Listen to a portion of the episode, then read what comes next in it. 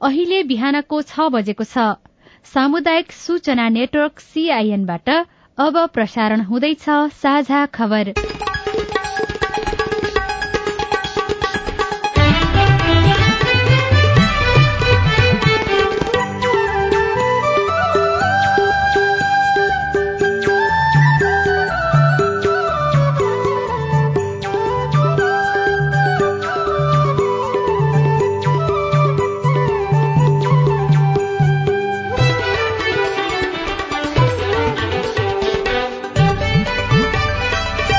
शुभ प्रभात यो सीआईएनको साझा खबर हो। सजना तिमल सिन्हासँगै लील प्रकाश चन्दको तपाईँलाई स्वागत छ। सामुदायिक रेडियोबाट देशैभरि एकैसाथ प्रसारण भइरहेको साझा खबर सीआईएन खबर डट कम र मोबाइल एप सीआईएनबाट पनि सुन्न सकिन्छ। आज दुई हजार उनासी साल भदौ तीन गते शुक्रबार अगस्त उन्नाइस तारीक सन् दुई हजार बाइस नेपाल सम्बत एघार सय बयालिस भाद्र कृष्ण पक्षको अष्टमी तिथि आज कृष्ण जन्माष्टमी पर्व।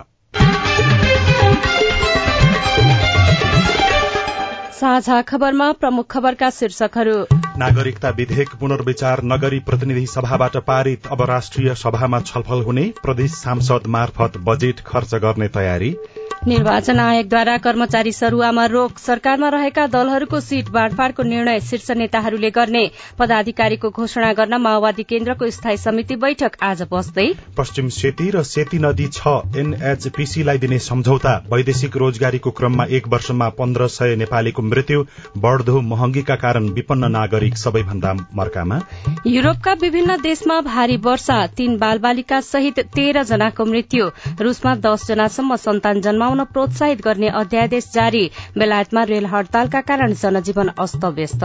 र लिगलिकोटदेखि गोरखा दरबारसम्म म्याराथन हुने जिम्बावे विरूद्धको पहिलो एक दिवसीयमा भारत विजयी नेदरल्याण्डसँगको दोस्रो एक दिवसीयमा पाकिस्तानको जित।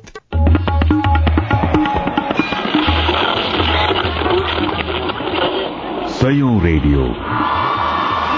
हजारौं रेडियो कर्मी र करोड़ौं नेपालीको माझमा यो हो सामुदायिक सूचना नेटवर्क सीआईएन साझा खबरको सबैभन्दा शुरूमा नागरिकता विधेयक पुनर्विचार नगरी प्रतिनिधि सभाबाट पारित भएको र अब राष्ट्रिय सभामा छलफल हुने प्रसंग राष्ट्रपतिबाट पुनर्विचारका लागि फिर्ता भएको नेपाल नागरिकता ऐन दुई हजार त्रिसठीलाई संशोधन गर्न बनेको विधेयक प्रतिनिधि सभाबाट बहुमतले पारित गरेसँगै अब राष्ट्रिय सभामा छलफल हुने भएको छ।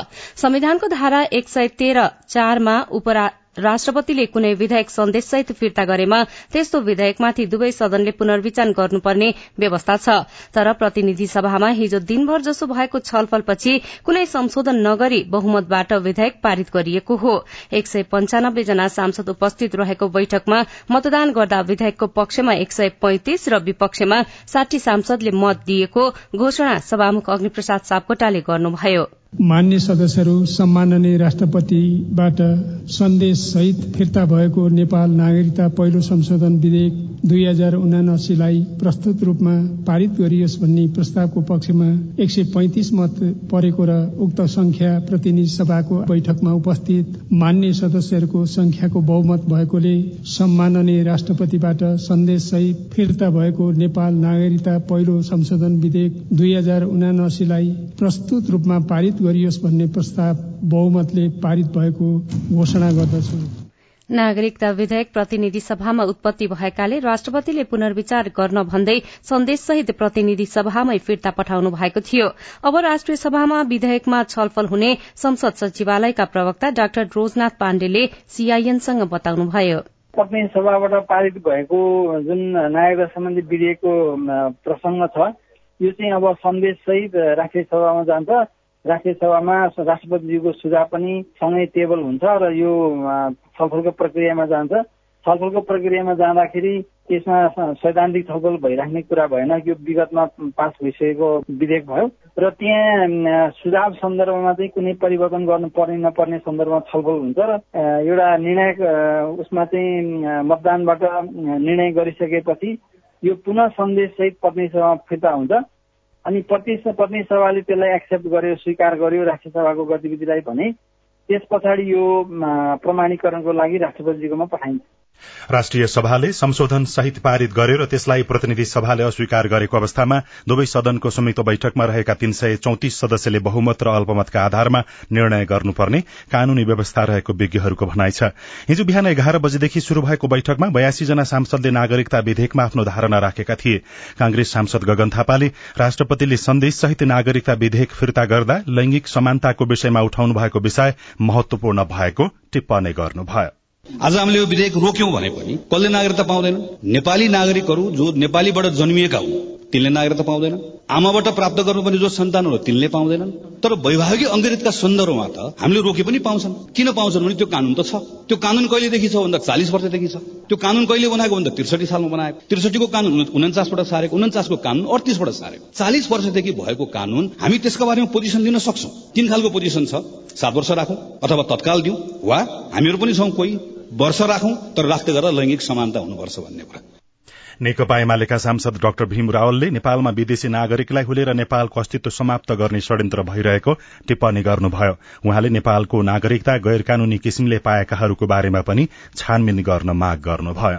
राष्ट्रपतिजीले संविधानको धारा एक सय तेह्र र उपधारा तीन अनुसार राज्य व्यवस्था समितिको प्रतिवेदन लगायत नागरिकताका समग्र पक्ष विचार गरेर यसलाई पुनर्विचारको लागि पठाउनु उचित मात्र होइन। राष्ट्रियताको रक्षाको लागि उहाँको कर्तव्य नै हो। संविधानको धारा एक सय चौध अन्तर्गत जारी अध्यादेशलाई उहाँले पुनर्विचारको लागि धारा एक सय तेह्र प्रयोग गरेको कुरालाई एक ठाउँमा राखेर चर्चा गर्नु त्यो संविधान सम्मत राजनीतिगत कुनै किसिमले पनि उचित छैन। सांसदहरूले उठाएका प्रश्नको जवाब दिँदै गृहमन्त्री बालकृष्ण खाँडले संविधान अनुकूल विधेयक ल्याएको दावी गर्दै नागरिकता लिनबाट वञ्चित भएका नेपालीहरूलाई नागरिकता दिने सरकारको उद्देश्य रहेको बताउनुभयो। यो राष्ट्रिय मुद्दालाई सम्बोधन गरौं। त्यसपछि जुन विषयहरू उठिएको छ वैज्ञानिक अङ्गीकृतको बारेमा फेरि छलफल गरौं सहमति जुटाउँ फेरि अर्को संशोधन ल्याउँ। संविधानमा भएका कुराहरूलाई पनि सहमति गरौं फेरि संविधान संशोधनलाई प्रयत्न गरौं। त्यहाँले यो त निरन्तर अविरल बगिरहने बागमती जस्तै हो नि त। संशोधन भइरहन्छ भइरहन्छ भइरहन्छ। अब सहमति जुटेन सरकारले प्रयास गर्दाखेरि पनि सहमति जुटेन। अब त्यसलाई थाती राख्नु पर्यो भने त जसले नागरिकता पाएनन् त्यो त झनै प्रताडित हुने भयो नि त। पहिलो पटक पुनः विचार गर्नका लागि राष्ट्रपतिले विधेयक फिर्ता पठाउने व्यवस्था भए पनि दोस्रो पटक गएमा विधेयक प्रमाणीकरण गर्नै पर्ने संवैधानिक व्यवस्था रहेको छ। गत साउन छ गते प्रतिनिधि सभा र बाह्र गते राष्ट्रिय सभाबाट पारित भएर प्रमाणीकरणको लागि राष्ट्रपति समक्ष पठाइएको विधेयक राष्ट्रपति कार्यालयबाट सन्देशसहित गत सोमबार फिर्ता भएको थियो। सत्तारूढ़ पाँच दलीय गठबन्धनले बनाएको कार्यदलले नसकेपछि प्रदेश सभा र प्रतिनिधि सभाको सीट बाँडफाँटका लागि हिजोदेखि शीर्ष नेतृत्वको बीचमा छलफल शुरू गरिएको छ। बालुवाटारमा प्रधानमन्त्री एवं कांग्रेस सभापति शेरबहादुर देउबा र माओवादी केन्द्रका अध्यक्ष पुष्पकमल दाहालका बीचमा हिजो बिहान छलफल भएको हो। छलफलमा सिटौला र संचार मन्त्री ज्ञानेन्द्र बहादुर कार्की पनि सहभागी रहनु भएको थियो। देउबा दाहालको कुराकानीपछि कार्यदल संयोजक कृष्ण प्रसाद सिटौला एकीकृत समाजवादीका नेता माधव कुमार नेपालसँग छलफल गर्न उहाँकै निवास पुग्नु भएको थियो। सिटौलाले आज जनता समाजवादी पार्टी जसपाका अध्यक्ष उपेन्द्र यादवसँग पनि छुट्टै छलफल गर्ने तयारी गर्नु भएको छ। दाहाल र देउबाका बीचमा छलफलमा भदौ पन्ध्रभित्र सीट बाँडफाँट टुंग्याउने समझदारी बनेको छ। लोसपालाई सहभागी गराउँदा गठबन्धन दलभित्रै खटपट बढ़न सक्ने र कांग्रेसमा असन्तुष्टि चर्कन सक्नेमा समेत नेताहरूले चिन्ता व्यक्त गरेका छन्। नेकपा एकीकृत समाजवादी पार्टीले आउँदो मंगिर चार गते तय भएको संघ र प्रदेशको चुनावका लागि उम्मेद्वार छनौट गर्ने मापदण्ड तय गरेको छ। एकीकृत समाजवादीको सचिवालय बैठकले प्रत्यक्ष र समानुपातिक उम्मेद्वारहरूको सिफारिश र छनौटका आठवटा आधार तय गरेको एकीकृत समाजवादीका प्रचार विभाग प्रमुख जगन्नाथ खतिवड़ाले सीआईएनसँग बताउनुभयो। परम्परागत रूपमा जसरी पार्टीले आफ्ना इमान्दार कार्यकर्ता विजयको सम्भावना पार्टीका नीति दृष्टिकोणप्रति प्रतिबद्धता आदि विषयलाई हेरेर महिला र पुरूषहरूको समावेशितालाई ध्यान दिएर संविधान अन्तर्गतको समावेशितालाई ध्यान दिएर उम्मेद्वार छनौट गरेर पठाउनुहोस् भनेका छौँ। सबै प्रोसेस पूरा गरेपछि भदौ पच्चिस भित्रमा केन्द्रीय कमिटीले निर्णय गरेर उम्मेद्वार फाइनल गर्छ। माओवादीसँग एकताको कुराहरू पनि चलिराखेका छन्। त्यो विषयमा पनि बैठकहरूले केही अहिले कुनै निर्णय गर्ने निष्कर्ष निकाल्ने गरिराखेको छ? निर्वाचन सकिएपछि एकताको वातावरण बनाउन व्यापक राजनीतिक सैद्धान्तिक बहस सुरुवात हुनेछ नेकपा एसका पार्टी निर्माणमा योगदान गरेको पार्टी र क्रान्ति प्रतिको निष्ठा र अनुशासनमा दृढ़ भएको आर्थिक एवं नैतिक आचरण राम्रो रहेको हुनुपर्ने जनतामा स्थापित एवं लोकप्रिय स्वच्छ छवि भएको र सुशासनको पक्षपाती भएका नेता उम्मेद्वार बन्न पाउने भएका छन्। यसैबीच आगामी निर्वाचन र पार्टी पदाधिकारी घोषणा लगायतका बारेमा छलफल गर्न नेकपा माओवादी केन्द्रको स्थायी कमिटी बैठक आज बस्दैछ। बिहान साढे आठ बजे बस्ने बैठकमा पार्टी अध्यक्ष पुष्पकमल दाहाल प्रचण्डले पदाधिकारीको नाम प्रस्ताव गर्ने तयारी भएको नेताहरूले बताएका छन्। गत पुष महिनामा आठौं महाधिवेशन सम्पन्न गरेको नेकपा माओवादी केन्द्रले सात महिना बितिसक्दा पनि पदाधिकारी सहित सांगठनिक संरचना टुंगो लगाउन सकेको छैन। निर्वाचन आयोगले निर्वाचन सम्पन्न नभएसम्म स्वीकृत दरबन्दीको तह र पद नाम बमोजिम सरूवा वा पदस्थापन भएका कर्मचारीलाई अन्यत्र कामकाज गर्न काजमा पठाउने र सरूवा नगर्ने व्यवस्था गर्न सरकारलाई निर्देशन दिएको छ। आयोगले निर्वाचनको काममा खटिने कर्मचारी बाहेक भदौ बीस गतेसम्ममा संघ प्रदेश र स्थानीय तहमा स्वीकृत दरबन्दीको तह र पद नाम बमोजिमका कर्मचारीको हकमा उक्त निर्देशन दिएको हो। आयोगका प्रवक्ता शालिग्राम शर्मा पौडेलले भदौ बीस गतेभित्र नै तीनै तहका सरकार तथा नेपाल सरकारको अनुदानमा संचालित संस्थाको स्वीकृत संगठन संरचना तथा दरबन्दी अनुसारका कर्मचारीलाई अनिवार्य रूपमा पदस्थापन गरी खटाउने व्यवस्था मिलाउन निर्देशन दिएको समेत बताइएको छ। निर्वाचन आयोगले आउँदो चुनावका लागि निर्वाचन अधिकृतको कार्यालय स्थापनामा आवश्यक सहयोग र सहजीकरण गर्न पनि सरकारसँग अनुरोध गरेको छ। मंगिर चार गते आइतबार एकै चरणमा सम्पन्न हुने प्रतिनिधि सभा सदस्य तथा प्रदेश सभा सदस्य निर्वाचनलाई स्वच्छ स्वतन्त्र निष्पक्ष विश्वसनीय र मितव्ययी रूपमा सञ्चालन गर्न गराउन सरकार प्रधानमन्त्री तथा मन्त्री परिषदको कार्यालय गृह मन्त्रालय र संघीय मामिला तथा सामान्य प्रशासन मन्त्रालयलाई भनिएको निर्वाचन आयोगका प्रवक्ता शालिग्राम शर्मा पौडेलले सीआईएनसँग बताउनुभयो। आसन्न निर्वाचन प्रयोजनको लागि संघ प्रदेश स्थानीय तह र ती मातहत रहेका विभिन्न संघ संस्थानहरू सबै चाहिने स्वामित्वमा रहेका संघ संस्थानहरूका कर्मचारी परिचालन गर्नुपर्ने हुन्छ।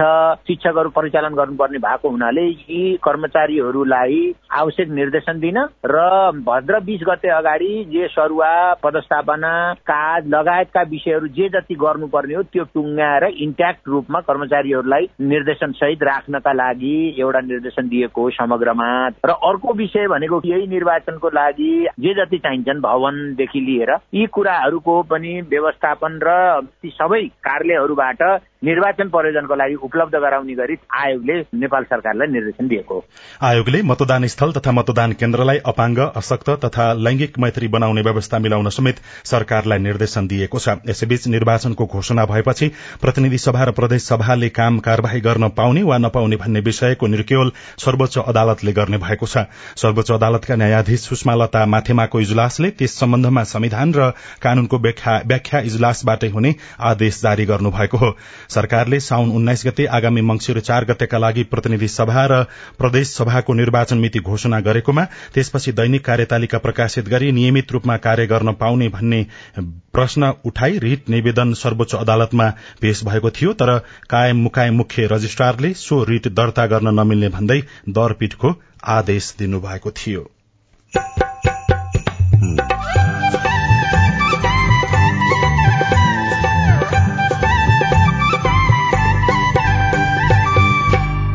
सामुदायिक सूचना नेटवर्क सीआईएन मार्फत देशभरि प्रसारण भइरहेको साझा खबरमा मूल्य वृद्धिले मजदूर वर्गमा परेको समस्या।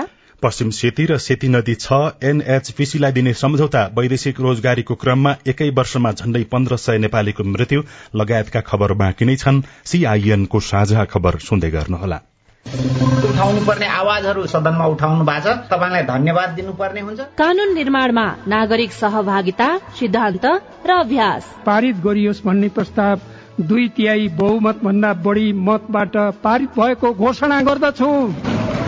कानून कार्यान्वयनमा सांसद र संसदको जवाफदेहिता। र जिल्लाको र समग्र मुलुकका चाहिँ सवालहरूलाई संसदमा उठाउने सवालहरूमा म आफूले सशक्त ढंगले भूमिका खेले भन्ने लाग्छ? संसदीय प्रक्रियामा जनता र सरकारवाला निकायको नजर। युवाको क्षेत्रमा त्यति धेरै काम भएको छैन। युवालाई चाहिँ ओजरमै राखेर अहिले काम भइरहेको छ। युवाहरूलाई चाहिँ रोजगारीमा जोड्नुपर्छ भनेर अहिले केही कार्यक्रमहरू पनि सञ्चालन गरेका छौँ। जनतादेखि नेतासम्म नीतिदेखि नेतृत्वसम्म युवा सीमान्तकृत वर्ग जाति अल्पसंख्यकका सवालहरू। जनताको कुरा राख्ने ठाउँ संसदै हो। हामी कार्यपालिका होइन व्यवस्थापिका हो नीति निर्माण गर्ने हो। अब सवाल मात्रै होइन जवाबसँगै देखिन्छ प्रभाव पनि। कार्यक्रम हेलो सांसद। सीआईएन मार्फत मुलुकभरका सामुदायिक रेडियोमा हरेक बिहिबार बेलुकाको साझा खबरमा र भोलिपल्ट शुक्रबार बिहान साढे छ बजे कार्यक्रम हेलो सांसद। सीआईएन को फेसबुक पेज र युट्युब च्यानलमा सांकेतिक भाषामा पनि हेर्न सक्नुहुनेछ। सामाजिक रूपान्तरणका लागि यो हो सामुदायिक सूचना नेटवर्क सीआईएन तपाई अहिले देशभरिका सामुदायिक radio CIN Khabar dot com र मोबाइल एप सीआईएनबाट एकैसाथ साझा खबर सुन्दै हुनुहुन्छ। अब बाँकी खबर। स्थानीय तहमा रहेका बाँझो तथा उपभोगमा नआएको कृषियोग्य जग्गामा खेती गर्न सरकारले अनुदान रकम उपलब्ध गराउने भएको छ। बाँझो जग्गाको उपयोग गर्ने उद्देश्यका साथ सरकारले स्थानीय तह मार्फत उत्पादन कार्यक्रम सञ्चालन गर्ने भएको हो। बाँझो तथा उपयोगमा नआएको सरकारी निजी सामुदायिक तथा नदी उकास क्षेत्रको जग्गा पहिचान गरी खाद्यान्न फलफूल तरकारी माछा पालन अन्न बाली तथा नगदे बाली गैर काष्ट वन पैदावार लगायतका कार्यक्रम सञ्चालन गर्न इच्छुक स्थानीय तहले कृषि तथा पशुपन्छी विकास मन्त्रालयमा प्रस्ताव पेश गर्न सक्नेछन्। मन्त्रालयका प्रवक्ता प्रकाश कुमार सञ्जेलले प्राप्त भएका प्रस्ताव मध्ये छानिएका कार्यक्रम कार्यान्वयनको लागि आवश्यक बजेट सशर्त अनुदानको रूपमा पठाइने सीआईएनलाई जानकारी दिनुभयो।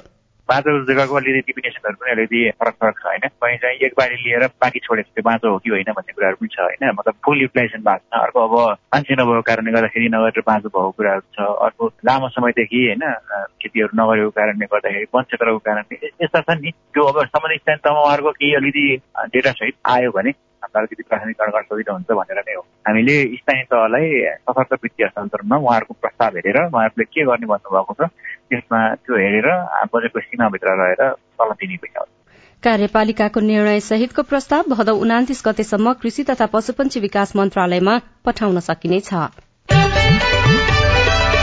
अब आज काठमाडौँबाट प्रकाशित पत्र पत्रिकाको खबर नागरिक दैनिकको भित्री पन्नामा आज जन्माष्टमी पर्व मनाइँदै शीर्षकमा खबर छ हिन्दू धर्मशास्त्र अनुसार आज शुक्रबार आराध्य देव श्रीकृष्ण भगवानको पूजा आराधना गरी जन्माष्टमी पर्व मनाइँदैछ। ज्ञान योग कर्मयोग र भक्ति योगका प्रणेता भनिने श्रीकृष्णको जन्म द्वापर युगको अन्त्यमा भाद्र कृष्ण अष्टमीका दिन भएकाले प्रत्येक वर्ष यसै तिथिमा यो पर्व मनाउने गरिएको छ। कान्तिपुर दैनिकमा शक्तिको कृपामा ठेकेदार मुखदर्शक अख्तियार शीर्षकमा खबर छ। मातृका दाहाल र विमल खतिवड़ा लेख्नुहुन्छ। राजनैतिक शक्ति र प्रशासनिक संयन्त्र संघको मिलेमतोमा ठेक्का हात पार्ने पेशकी बुझ्ने र आयोजनालाई वर्षौं अल्झाएर उल्टै लागत बढ़ाउने प्रवृत्ति बढ़ेको पाइएको छ। तर संस्थागत भ्रष्टाचार गरेर करोड़ौं अरबौंको आयोजना अलपत्र पार्दा अख्तियार दुरूपयोग अनुसन्धान आयोग मुखदर्शक छ सामान्य कर्मचारीलाई पासोमा पारेकै भरमा अख्तियारले आफ्नो अख्तियारी पूरा गर्दै आएको भनेर समाचारमा टिप्पणी गरिएको छ। सड़क अलपत्र पार्नेलाई म्यादसँगै बजेट पनि थप गरिएको पाइएको छ। निर्वाचनको मुखमा प्रदेश सांसदलाई बजेट शीर्षकमा अर्को खबर छ। प्रतिनिधि सभा र प्रदेश सभा सदस्य निर्वाचनको मुखैमा गण्डकी र प्रदेश एक सरकारले सांसद मार्फत बजेट खर्च गर्न थालेका छन्। कार्यकाल सकिन लागेका बेला अघिल्ला वर्ष जस्तै निर्वाचन क्षेत्र पूर्वाधार विशेष कार्यक्रम मार्फत बजेट दिन लागि हो। प्रदेश एकमा कार्यविधि बनाएर सांसदलाई योजना छनौट गर्न लगाइएको छ भने गण्डकीमा योजना बाँड्ने तयारी गरिएको छ। प्रतीक्षा काफ्लेले कास्कीबाट देवनारायण शाहले मोरङबाट लेख्नु भएको छ। यस्तै पश्चिम सेती र सेती नदी छ। एनएचपीसीलाई दिने सम्झौता शीर्षकमा गोर्खापत्र दैनिकले खबर लेखेको छ। पश्चिम नेपालका दुईवटा जलविद्युत परियोजना विकासका लागि विस्तृत परियोजना अध्ययन गर्न भारतीय सरकारी कम्पनी एनएचपीसी लिमिटेड इण्डियासँग हिजो सम्झौता भएको छ। बहुप्रतीक्षित पश्चिम सेती जलविद्युत आयोजना सात सय पचास मेगावाट र सेती नदीको तल्लो तटीय क्षेत्रमा निर्माण हुने चार सय पचास मेगावाटको सेती नदी छ। एसआर छ जलविद्युत परियोजना विकासका लागि विस्तृत परियोजना अध्ययन गर्न लगानी बोर्डले भारतीय सरकारी कम्पनी एनएचपीसीसँग सम्झौता गरेको हो। यस्तै गोर्खापत्र दैनिकको अर्थ बजार पृष्ठमा आर्थिक वर्ष दुई हजार अठहत्तर उना अस्सीमा वैदेशिक रोजगारीबाट दश खर्ब विप्रेषणसँगै दैनिक पाँच सब शीर्षकमा सीता शर्माले खबर लेख्नु भएको छ। गत आर्थिक वर्ष वैदेशिक रोजगारीको सिलसिलामा झण्डै एक हजार पाँच सय जनाले ज्यान गुमाएका छन्। नयाँ पत्रिका दैनिकको भित्री पन्नामा राप्रपा सहित साना दलसँग तालमेल गर्ने मूडमा एमाले शीर्षकमा खबर छ। प्रतिनिधि सभामा एमाले बहुमत ल्याउने अध्यक्ष ओलीले दावी गर्नुभएको पनि खबरमा उल्लेख गरिएको छ। अमेरिकी सहयोग परियोजना मिलिनियम च्यालेन्ज कर्पोरेशन एमसीसी दुई हजार अस्सी भदौदेखि शुरू हुने भएको छ। पन्ध्र फागुन दुई हजार अठहत्तरमा संसदबाट एमसीसी सम्झौता पारित भएको तीस महिनापछि विधिवत कार्यान्वयन हुने भएको हो। एमसीसी नेपालले तयार गरेको कार्ययोजना अनुसार कार्यान्वयन शुरू भएको पाँच वर्षपछि अर्थात दुई हजार पचासी भदौमा एमसीसी परियोजना निर्माण सम्पन्न हुने भएको छ। साझा खबरमा अब हेलो सीआईएन सुशीला श्रेष्ठबाट। नमस्कार म सन्तोष लाल यादव म रौतहट जिल्लाको वृन्दावन नगरपालिका वार्ड नम्बर तीन विश्रामपुरबाट बोलिरहेको छु खादको अभावको कारणले गर्दा एकचोटि पनि खाद झर्न पाए छैन। खाद कहिले आउँछ? तपाईँको गुनासो सुनेपछि वृन्दावन नगरपालिकाको कृषि शाखा प्रमुख ओम प्रकाश मूल भन्नुहुन्छ। कसैले नछुटोस् कसैलाई केही नहोस् बराबर हिसाबले बाँड्ने गरी हामीले निर्णय गरेर पठाएको छौँ आज भोलिमै के अरे हाम्रो कृषि सामग्री संस्थानले मल खाद उपलब्ध गराइरहेको छ। डिलरसिपहरूलाई डिलरहरूसँग सम्पर्क गरी आफ्नो खाद मल खाद उपलब्ध गराइ हुन म अनुरोध गर्छु। नमस्कार म कर्म सिंह पाटिन सिन्धुलीबाट मेरो गुनासो विद्युतीय राजधानीको लागि जिल्ला प्रशासन कार्यालय सिन्धुलीमा साउन दस गते छब्बिस तारिकको दिन राजस्व पाँच हजार सहितको भुक्तानी गरी फारम प्रविष्टको लागि बुझाएको थियो र पन्ध्र दिनपछि राहदानी पाउँछ भन्ने थियो। तर हाल अहिलेसम्म कुनै जानकारी नआएकोले जानकारी पाउन पाए आभारी हुने थिए। धन्यवाद। जवाफ दिँदै हुनुहुन्छ जिल्ला प्रशासन कार्यालय सिन्धुलीका प्रशासकीय अधिकृत प्रनिसा घिसिङ। अहिले चाहिँ राहदानी आउने चाहिँ पन्ध्र दिनमै हो युजली युजल टाइममा चाहिँ तर यसपालि चाहिँ हाम्रो अलिक चाप बढेको हुनाले अनि पन्ध्र दिन भन्दा पनि बिस दिन जस्तोमा चाहिँ आइरहेको छ। सायद उहाँले पनि एकचोटि अफिसमा सम्पर्क गर्नुभयो भने उहाँले आफ्नो अझै जानकारी सजिलोसँग पाउन सक्नुहुन्छ होला। नमस्कार बबु नेपाली दैलोको आठ बिस नगरपालिकाबाट। मेरो प्रश्न चाहिँ पोषण भत्ता सम्बन्धी रहेको छ। मेरी भतिजीको नाम एलिजा नेपाली हो। ठ्याक्कै उनी एक वर्षकी भइन् उनलाई पोषण भत्ता मिलेको छैन। उनको खाता पनि खोलिसकेको छ। ब्याङ्कमा गएर सोद्धा उनको नाममा जम्मा पाँच सय मात्र आएको छ भन्छ। बाँकी पैसा कहिलेसम्म आउँछ? यहाँ आउँछ कि आउँदैन? यदि आउँदैन भने हामीले कुनै कागजात पेश गर्नुपर्ने हो कि भन्ने मेरो प्रश्न रहेको छ। तपाईँको जिज्ञासा मेटाउँदै हुनुहुन्छ आठ बीस नगरपालिकाका आइटी अफिसर शेरबहादुर शिवाकोटी। उहाँले सबभन्दा पहिला त हाम्रो आयुष नगरपालिका कार्यालयमा आएर बच्चा कहिले जन्मेको हो यसको एकाउन्ट कहिले खोलेको त्यो कुरा पालिकामा आएर इन्फर्म गर्नु पर्यो। अब त्यसपछि चाहिँ के अरे थाहा हुन्छ। तपाई जुनसुकै बेला हाम्रो टेलिफोन नम्बर शून्य एक बान्न साठी छ चार छमा फोन गरेर आफ्नो प्रश्न विचार गुनासो तथा प्रतिक्रिया रेकर्ड गर्न सक्नुहुन्छ। साझा खबरमा अब विदेशको खबर। युरोपका मध्य र उत्तरी देशमा आएको हुरी बतासमा परेर तीन बाल बालिका सहित तेह्र जनाको मृत्यु भएको छ। भारी वर्षा र तीव्र गतिको हुरीका कारण रूखहरू ढल्दा धेरैको मृत्यु भएको बीबीसीले जनाएको छ। उत्तरी अल्जेरियामा भने फैलिएको डढेलोको कारण कम्तीमा पनि अडतीस जनाको मृत्यु भएको अन्तर्राष्ट्रिय संचार माध्यमहरूले उल्लेख गरेका छनृ। रूसी राष्ट्रपति भ्लादिमिर पुटिनले महिलाहरूलाई दस जनासम्म सन्तान जन्माउनु प्रोत्साहित गर्ने गरी अध्यादेश ल्याउनु भएको छ। रूसमा घट्दो जन्मदरका कारण जनसंख्या कम हुन थालेपछि पुटिनले सन्तान जन्माउनु प्रोत्साहित गर्ने अध्यादेश ल्याउनु भएको हो। अध्यादेश अनुसार रूसमा अब दशौं बच्चा एक वर्ष पुगेपछि तिनका आमालाई दस लाख रूबल पुरस्कार दिइने पनि बीबीसीले जनाएको छ। र रेल सेवाका झण्डै पैंतालिस हजार कर्मचारीले तीन दिने हड़ताल शुरू गरेपछि बेलायतको जनजीवन अस्तव्यस्त बनेको छ। कर्मचारीहरू तलब सेवा सुविधा वृद्धिको माग गर्दै बिहिबारदेखि आन्दोलनमा उत्रिएका हुन्। हड़तालका कारण आधाभन्दा बढ़ी रेल लाइनहरू बन्द गरिएका छन्।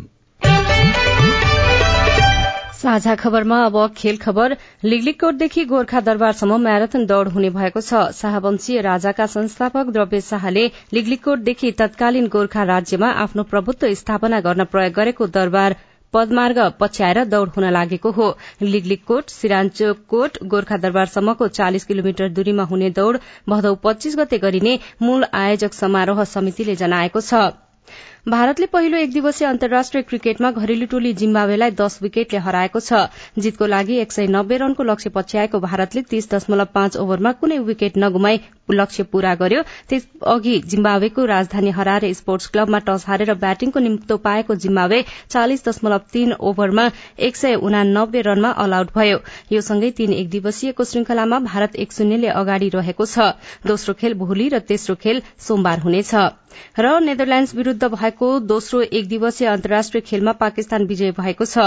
पाकिस्तानले घरेलु टोली नेदरल्याण्ड्सलाई सात विकेटले पराजित गरेको हो। यो सँगै तीन एक दिवसीय अन्तर्राष्ट्रिय श्रृंखला पाकिस्तानले एक खेल अगाडि नै जितेको छ। बढ़दो महँगीको असर मजदूर वर्गमा धेरै। रेडियो रिपोर्ट अरू खबर र कार्टुन पनि बाँकी नै छ। सीआईएनको साझा खबर सुन्दै गर्नुहोला। नेपाल टेलिकमको सूचनाको संसार। होइन के सुनेको यस्तो ध्यान दिएर दोहोरो बोलेको जस्तो नि देख्दिन। तीन दुई एक शून्य शून्य क्या? तीन दुई एक शून्य शून्य? के हो त्यो भने? बुझिन त। ल सुन एनटिसी प्रयोगकर्ताहरूले आफ्नो मोबाइल तथा ल्यान्डलाइनमा तीन दुई एक शून्य शून्य डायल गरी समाचार रेडियो कार्यक्रम खेल र अन्य विषयबारे सन्देशहरू जुनसुकै बेला निशुल्क सुन्न सक्छन्। ओहो निशुल्क? कस्तो सजिलो। समाचार सुन्न छुट्यो भनेर पिर लागेको थियो। अब त म पनि सुनिहाल्छु। कति रे? तीन दुई एक शून्य शून्य। सामाजिक रूपान्तरणका लागि यो हो सामुदायिक सूचना नेटवर्क सीआईएन साझा खबरमा अब महँगी र दैनिक गुजाराको प्रसंग। नेपाल राष्ट्र बैंकको पछिल्लो तथ्याङ्क अनुसार खाद्य पदार्थको मूल्य एकै वर्षमा नौदेखि छब्बीस प्रतिशतसम्म बढ़ेको छ। यातायात शिक्षा लगायत मोबाइल टेलिफोन सहितका उपकरणहरूमा पनि छदेखि पन्ध्र प्रतिशतसम्म भाव बढ़ेको छ। सबैतर्फ महँगी बढ़दा सबैभन्दा बढ़ी असर भने मजदूर वर्गमा परेको छ। बाँके नेपालगंजको जमुनाहा नाकाबाट पश्चिमी नेपालका युवाहरू काम खोज्न दिनहुँ भारत पर्छन्। तर अछामको मेल्लेकका नवीन धामीलाई लाग्यो आफ्नै देशमा पसिना बगाए पनि परिवार पाल्न सकिन्छ। अनि उहाँ काठमाडौँतर्फ लाग्नुभयो तर कल्पना गरे जतिको सजिलो भएन। बिहान साठी साँझ सत्तरी अस्सी रुपियाँ हुन्छ सबै महँगो चामल महँगो छ सब पानी किन्नु पनि त अब पचास रुपियाँ पढ्न लाग्छ भने एउटा जारो यता। हाम्रो गाउँतिर पानी किन्नु पर्दैन। मै पनि पहिलो बार चोटि पानी किनेर खाएँ त मैले। चर्को गर्मीले असिन पसिन शरीर। एकसरो कमिज नेत्रुक्क भिजाएर ललितपुरको लाकुरी भन्ज्याङका भीम बहादुर पाटन क्षेत्रमा घर बनाउने काममा खटिनु भएको छ। झण्डै पन्ध्र वर्ष भयो। छ जनाको परिवार भीम बहादुरको एक्लो मेहनतले धानिएको। तर महँगी बढ्दै जाँदा हिजो आज कसरी आफूले खाने र परिवार चलाउने भन्ने चिन्ता छ। तिन सय पचास पचास साठी पुगिसकेको छ एक लिटरको तेलको। एक लिटरको अब महँगी छ अब ज्याला बढ्दैन हाम्रो धान हुँदैन। त्यो अब ल्याएकोमा त्यही मकै सिमी भोटमा रोप रोप्ने हो। त्यो पनि एक महिना खाना पनि पुग्दैन छ। महिना एक वर्ष काम गर्दाखेरि पनि। यो त ज्याला नबढाएको चाहिँ कति भयो? ज्याला त बढ्नु पर्ने हो। अब खोइ बढाएको छैन। अब त्यो बढ्दै बढ्दै जान्छ। आठ सय नौ सय त्यस्तै पुग्नु थालेछ नि त। घर त चल्दैन अब के गर्नु त अब चलाउनै पर्यो बाध्य भएर। अरू कमाउने कोही छैन। अब एक्लै छु। नेपाल राष्ट्र बैंकका अनुसार गत वर्ष भदौमा चार प्रतिशतको हाराहारी रहेको समग्र मुद्रास्फीति अहिले झण्डै आठ प्रतिशत पुगेको छ। बजारमा दैनिक उपभोग्य लगायत सबै खाले वस्तुको मूल्य बढ़ने क्रम रोकिएको छैन। यसले सबैभन्दा धेरै समस्या आफूहरूलाई भएको बताउनुहुन्छ। मकवानपुरका सुभाष मोक्तान। दुःख गर्ने गरे गरे छ होइन? अब राम्रोसँग यसो राम्रो हिँड्नेहरू हिँडे हिँडे छन्। के गर्ने त अब? हिँड्ने इच्छा त हाम्रो नि हुन्छ नि। छैन के गरी हिँड्नु? आफ्नो परिवार चलाउन गाह्रो हुन्छ अनि। दैनिक उपभोग्यदेखि विलासी आवश्यकताका साधन सामग्रीको भाव बढ्नुको मुख्य कारण युक्रेन रूस बीचको युद्धलाई मान्ने गरिएको छ। इन्धनको मूल्य बढ़दा त्यसको प्रभाव चौतर्फी परेको सरकारको विश्लेषण छ।